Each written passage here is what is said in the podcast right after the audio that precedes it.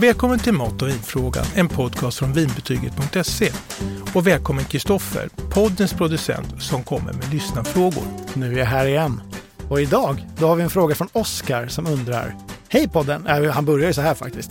Hej podden! Tack för alla bra tips. Men det här med att lufta vinet, är det verkligen något att hålla på med? Ja, det där är ju någonting som vi har pratat om i podden och vi kanske gör det lite slarvigt så det kanske var kul att gå till botten med det här. Generellt sett kan man säga så här att det går inte att rädda ett vin som inte är något bra om genom att lufta det. Men ett bra vin kan få fram fler smaknyanser och bli bättre. Just det. Men vad är det som gör att vinet smakar bättre då? Jo, men vinet har ju varit instängt i flaskan och då finns det bara minimalt med luft under korken.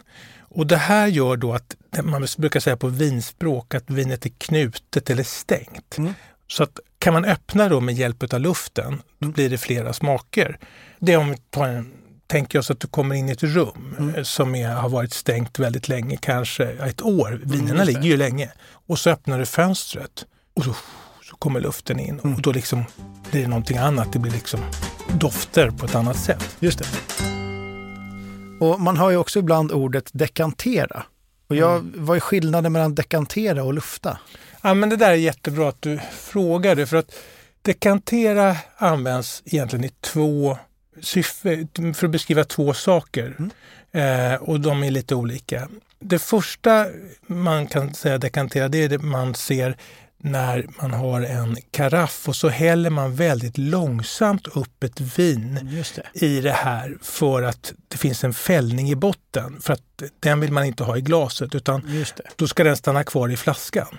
Okay. Och det här, det, då är det gamla fina viner man gör det här med som får den här fällningen. För våra unga viner som vi köper på system, de har ingen fällning så Nej. det är inget problem. Men dekantera använder man också om i det sammanhanget. Så det vi ska prata om idag egentligen att lufta vinet. Mm. Och om jag fick välja så säger jag lufta när jag häller upp det i en karaff för att det ska öppna upp. Just det. Eller ja. att jag luftar. Det finns, vi kommer att prata om flera olika sätt att lufta på ja. idag. Men, men att hälla upp det och inte det här att bli av med någon fällning. För det, vi kommer att prata om viner som är liksom eh, ett år gamla, två, tre, fem, sex år gamla. Just det. Så mycket äldre än så. Men är det liksom mest dyra finviner som man ska lufta? Nej, tvärtom egentligen. Okay. Det, ja, men det är så att eh, gamla mogna viner som har legat länge, som kanske är 15-20 eh, år eller äldre, mm. de tappar när de kommer ut i luften i, i sin eh, smak och kraft. Så där ska man inte lufta dem i flera timmar utan de ska man hälla upp i glaset och så dricker man dem. Mm. Eh, men sen kan man ju dekantera dem för att få bort fällningen, men det är en annan historia. Det är mm. bara, men inte ge dem mera luft för så. Så egentligen så är det unga röda viner man pratar om. Mm. Och unga kan man säga då det är ja, men, eh, något år upp till fem, sex år sådär. Jag tror det var helt tvärtom. Ja, ja. ja men det är nog för man ser ofta på film, det är någon elegant restaurang och så står det en elegant hovmästare eller sommelier och så håller han den här flaskan. Ofta har man ett ljus för att kunna se var ja, fällningen är. Mm. Och så häller man väldigt långsamt och så står den där. Mm. Men då har ju de gjort någonting annat. De har ju inte luftat vin, de har ju liksom tagit bort en fällning. Okay. Ja, så att, eh, eh, jag tycker vi kör bara eh, luftning idag. Ja, absolut. Kan vita viner också vinna på att luftas? Ja, det är inte så vanligt och det är nog inte lätta friska viner man tänker på då. Utan om du har ett eh, fatlagrat fylligt vitt vin, mm. då kan det växa lite ytterligare genom luft. Just det. Men det är inte så ofta man gör det. Vinet får ju också luft i sitt glas. Mm. Och har man kvar lite i en flaska och det har vi pratat om mm, tidigare, mm. Jag, så kan ju det också vara ganska gott ja, verkligen. dagen därpå. Ja. Och då har du fått luft där. Ja. Så det är framförallt tunga viner som man... Ja, det kan man säga. Ja. Ja, eh, både, äh, tunga viner behöver verkligen luftas. Okay. Men, ja, men även medelfylliga röda viner mår bra av att luftas. Är det någon poäng med att lufta ett boxvin då? Ja, faktiskt. Man kan ju tycka att det är liksom de enklaste vinerna ofta. Mm. Mm. Mest vin för pengarna i alla fall. Jajamän. Ja. Och eh, där är det faktiskt så att de mår jättebra av att komma upp i en karaff. De har ju legat liksom förslutna i en, inte en flaska utan i en plastpåse inuti. Mm. Och då är det eh, ganska mycket sulfiter för att det är så mycket vin som ska liksom hålla hållbarheten. Mm. Och det kan man vädra bort. Okej. Ja. Så, och sen tycker väl jag också att det kanske ser trevligt ut i en karaff. Eh, en Ja, roligare ja. ja. verkligen. Så det tycker jag, eh, och där kan man eh, oavsett färg på vinet, om det är rosé eller vitt eller rött, det tycker jag man, eh, man ska testa och lufta. Och hur är det med liksom champagne och annat, den här bubbel och sånt där? Ah, ja, jag tror att risken är att det som man tycker är gott och pirrigt, bubblorna, Ja, just de, det. Ja, de försvinner. just det. Eh, så jag tycker inte man ska göra det. Det känns som att eh, det behövs inte. Det är det man tjänar, man förlorar mer helt enkelt. Ja, och sen är det, de är ofta lätta och friska. Ja, det är sant. Och då eh, finns inte det behovet eh, av att... just det. Nej. Okej, men hur gör man då när man luftar? Ja, men du vet, vinvärlden är ju speciell. Det finns massa fackuttryck och det är regioner och druvor och det är liksom eh, hokus pokus och sådär. Va? Men jag tycker så intressant med lufta, det är enkelt och det går inte att göra fel. Jag gillar att det finns någonting i den här ganska komplexa världen som är, vem som helst egentligen kan göra. Ja, faktiskt. Det är lite, det är lite befriande. Mm. Så att egentligen så handlar det ju om att, eh, att vinet som varit instängt i flaskan, det ska då liksom helst sirla ner i, i en karaff eller något annat där du har en, man häller längs kanten så att det blir en bred stråle liksom. Och eh, man ser ju också det här med luften, eh, man kan vicka på glaset. Va? Mm. Snurra på glaset, ofta då, jag brukar ha det i bordet för då skvätter det inte. Mm. Eh, och så snurrar jag, håller jag i foten och så snurrar jag runt, runt, runt, runt så här Just och då får det luft. Va? Ja. Och då ska man inte ha, man ska egentligen inte ha mer vin i glaset än en, där det är som bredast. För då får det mest luft och då skvätter det inte heller. Och dessutom inte så snyggt att ha mycket vin. Det Det är därför de lite, inte toppar upp det på restaurangerna. jag tror att det är utav snål. ja, det, ja. De eh, vill ogärna eh, ge bort de här dyra dropparna. Va? ja, det är sant. Ja, det är lite trist. Det är min konspiratoriska teori. Spelar det någon roll hur man häller upp vinet? Ja, men en viss betydelse har det. För om jag bara tar flaskan och stoppar ner karaffen och vänder upp och ner på den, då rinner ju vinet ner blixtsnabbt och då hinner det inte få så mycket luft. Men om jag vinklar den här eh, karaffen och så tar jag vinet och så häller jag som du ser så brett som möjligt. Alltså så att det, den går på, längs kanten går vinet Just det. långsamt så här ner. Så du menar att om man häller upp det snyggt, då gör man rätt? Ja, kanske att det, det är en bra liksom, fingervisning. Och, men det här är ju inte heller något. Så du ser den här, då har den en, en buktning, då har många krafter i botten och då kan man alltså eh, vicka på det här för att det ska få ytterligare luft. Åt båda hållen om man vill. Jag tror ju att det är bra att köra åt båda hållen, bara det är ju tramsigt men jag kör det i alla fall. Ja. Ja. Och sen så kanske det står på bordet och då snurrar jag lite på glaset när det står på, eh, på bordet. Va? Perfekt. Ja. Helsnurrigt. Ja. Så det räcker alltså inte bara med att öppna flaskan? Ja, men om man tänker sig så här. Att, vänta, jag ska ta en flaska här. Mm. Där, eh, här ser du. Alltså den här öppningen, Mm. eh, den, först och främst är ju flaskan som ett rör. Så vi- man kan säga att vinet li- ligger på höjden Ja. Mm. eh, på varandra. Eh, det är inte utspritt utan det är eh, snarare ihoppressat i den här Mm. långsmala formen. Och då är den här kanske någon, en och en halv centimeter lite drygt, den här öppningen. Och då är det bara den lilla ytan högst upp som får luft. Mm. Så det här, resten här nere i flaskan ner till botten får ingen luft. Det man skulle kunna kalla det för en flaskhals. Absolut, precis så. Och eh, då kan man ju säga så här, kika på en karaff. Ja, Du ser här, den, har, den har ju motsatt form. Va? Den är ju då, först så häller man ner och sen så är den så bred som möjligt. Ja, just så den här precis. ytan då, om vi säger att den här flaskans öppning är eh, någon, ungefär en och en halv, Mm. så kanske den här är 20-25 bred. Och på hela den här ytan så får vinet luft. Mm. Och då kan man ju upp en tänka, bild på det här som man kan, som man kan kolla här på Ja. vinbetyget. Ja, så skulle man kunna tänka sig då om man vill ha jättemycket luft, då hade man hällt ut vinet på diskbänken. Va? Men det går inte, då får du allt vinet luft samtidigt, men det går Men inte. Det, det, nej, det- Kvadratmeter vin liksom. Ja. men eh, så det är, det är den stora skillnaden. Mm. Och jag vet ju att många säger jag luftar vinet så öppnar de bara, men det, det ger ingen effekt. Nej, nej. Men ska karaffen se ut på något särskilt sätt då? Alltså man kan säga så här att när du vädrar och öppnar fönstret så är det ju inte hur fönstret ser ut som är viktigt. Om det liksom är vet, spröjs eller om det är ett litet fönster eller ett halvstort fönster. Utan det viktiga är att du får in luften. Luften gör vädringsjobbet. Mm. Och det är samma sak här. Så att egentligen kan en karaff se ut... Du har ju en vattenkaraff här. Mm. Den kan se ut så. Just det, så länge den är stor. Liksom. Ja. ja. Sen kan man ju säga så att de som har sträva viner, Mm. kraftiga viner, de vill ju ha den här bredden som karaffen har för att få en effektivare luftning. Just det.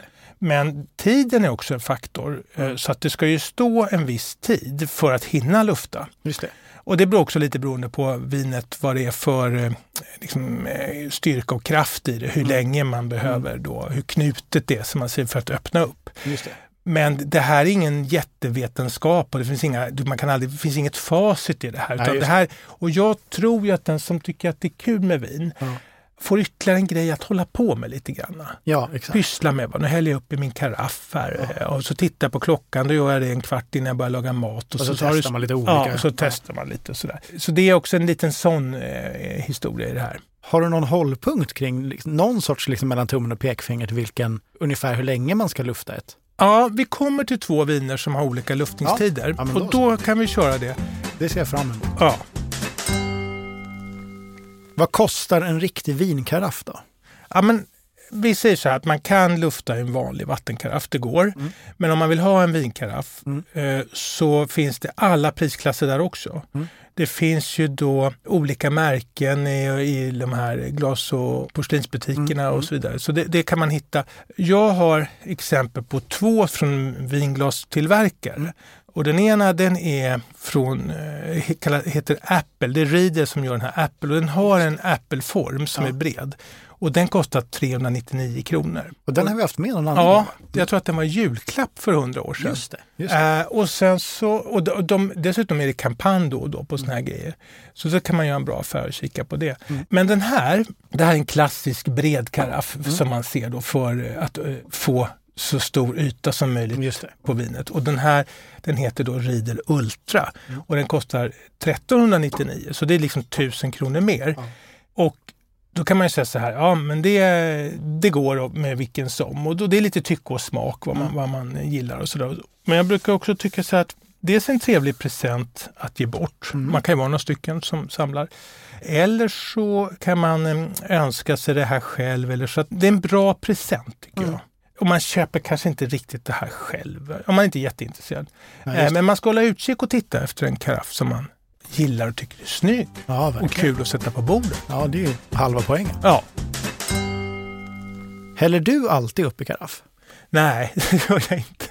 Det känns ändå skönt. Ja, nej, och det finns flera skäl till det. Jag eh, tycker att eh, det är fullgott många gånger att hälla upp i glaset. Då är det ganska stor kupa på de glasen om det är Mm. röda viner. Just det. Och så gör jag det i god tid. Mm. Och sen så är jag ju lite eh, larvig med att jag tycker att det ska vara lite svalt. Så då stoppa, Mm. glasen jag lättare att stoppa in i kylen. Ja, ja, ja, just det. Ja, och så, så att jag tycker väl att eh, det är särskilt när det är lite kraftigare viner. Mm. Och jag vet att det här ska vi dricka upp.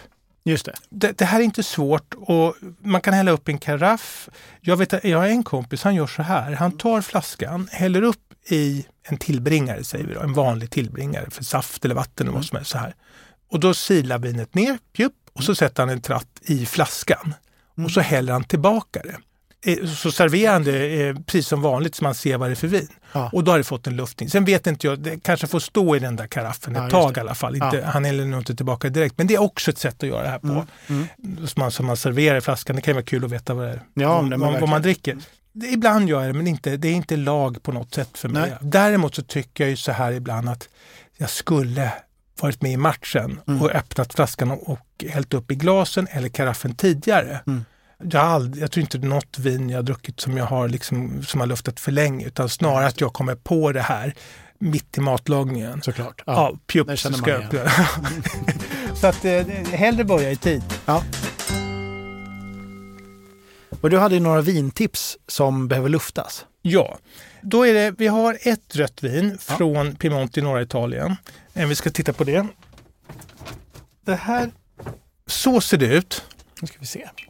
Och det finns flera skäl till att jag valt det. där. Men dels så kommer det från ett område som heter Gattinara.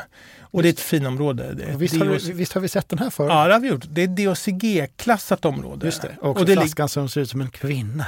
Nej, nej, men nu ska vi komma till vad den verkligen Ja. ser ut som. Eh, Kristoffer, nu håller vi oss här ovanför Ja. bältet igen. Det här, är, alltså, det här är nästan uppe i Alperna, det här Gattinara-området. Mm.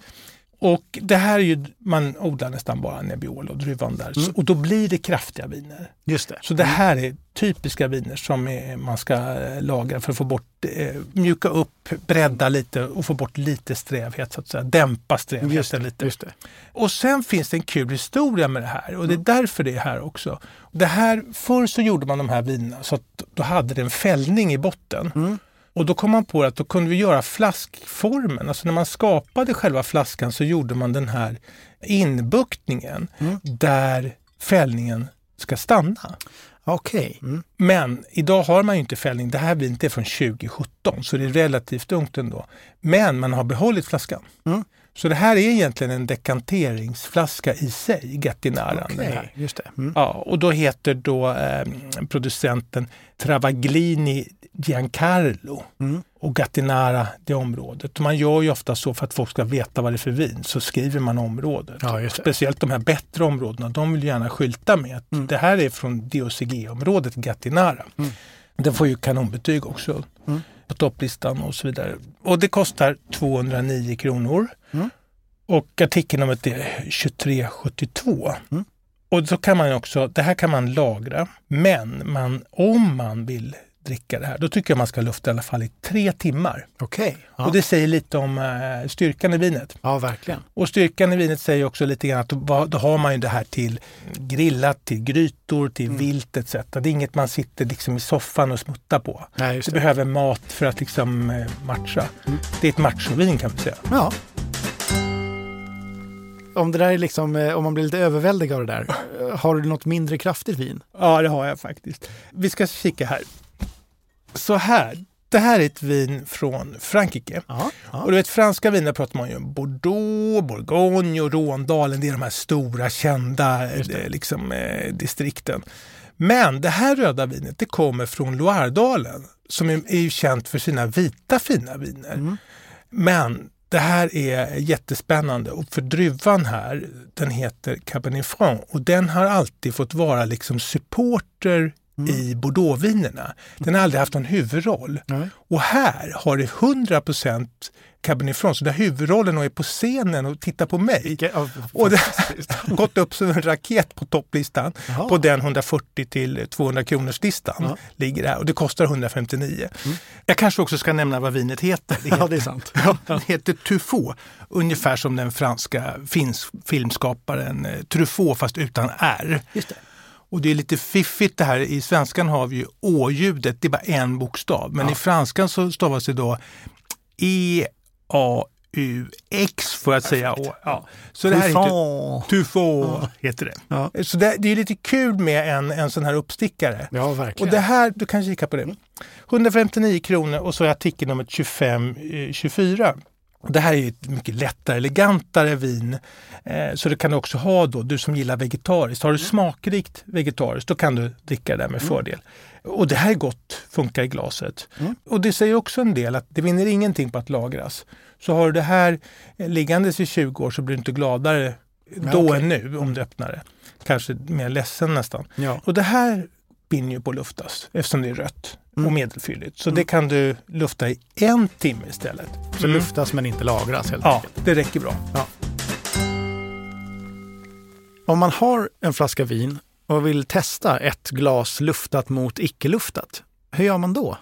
Ja, det där är ju lite knepigt för bara det att du öppnar Ja. och häller upp så har ju luftningen kommit igång lite Just grann för det kommer in mer luft i flaskan. Mm. Mm. Och Alltså vad du skulle kunna göra, Mm. som man eh, brukar kallas för fransk kastrulluftning. Oh. Du, tar två, du tar två rena kastruller, Ja. gärna med stor botten. Mm. Vi säger att du ska testa, det här kan du testa nästa gång Mm. eh, du dricker vin, Mm. rött vin. Och så tar du ett motsvarande ett glas och häller i den ena kastrullen. Och så sätter du på korken till flaskan för den, det som är kvar ska ju inte luftas. Ja. På med korken där. Mm. Och så har du ett glas som du liksom jobbar med i kastrullen. Så häller du det mellan kastrullerna fram och tillbaka, Mm. fram och tillbaka. Och då får det en liksom koncentrerad eh, luftning Mm. eh, efter konstens alla regler. Vinet bara böljar ju fram och tillbaka och exponeras för luften liksom hela tiden. Otroligt franskt. Ja, superfranskt. Och sen ehm, så ropar du på någon som inte är insatt i ditt hyss. Mm. Och eh, så häller du upp, så har du koll, då, det här gäller inte att blanda upp glasen. Mm. Häller du upp eh, kastrulluftade vinet i ett och så har du det direkt från flaskan, pjup. Och så ser du smaka. Mm. Och så kan du smaka själv också. Det ska jag utsätta min fru för. Ja, men då hoppas jag verkligen att Oskar har fått svar på sina frågor. Jag har lärt mig en hel del. Framförallt där, det som jag tycker är väldigt kul, det är att jag är helt säker på att det var tvärtom. Att det är liksom de- gamla superlagrade vinerna, det är de man ska liksom lufta mest för att de ska liksom eh, återuppväckas. Mm, mm.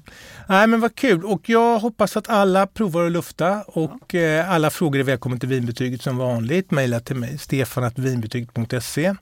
Och de här båda vintipsen vi har då, Gattinara för 209 och Tufå för 159, Mm. de finns i en direktlänk från avsnittsbeskrivningen Mm. oavsett om man lyssnar på Spotify eller var man nu lyssnar någonstans. Då kommer man till vinbetyget där det står mer om vinerna och länkar till Systembolaget så man ser att man kan handla dem. Mm. Stort tack Kristoffer! självklart, nu ska jag hem och kastrulla vin.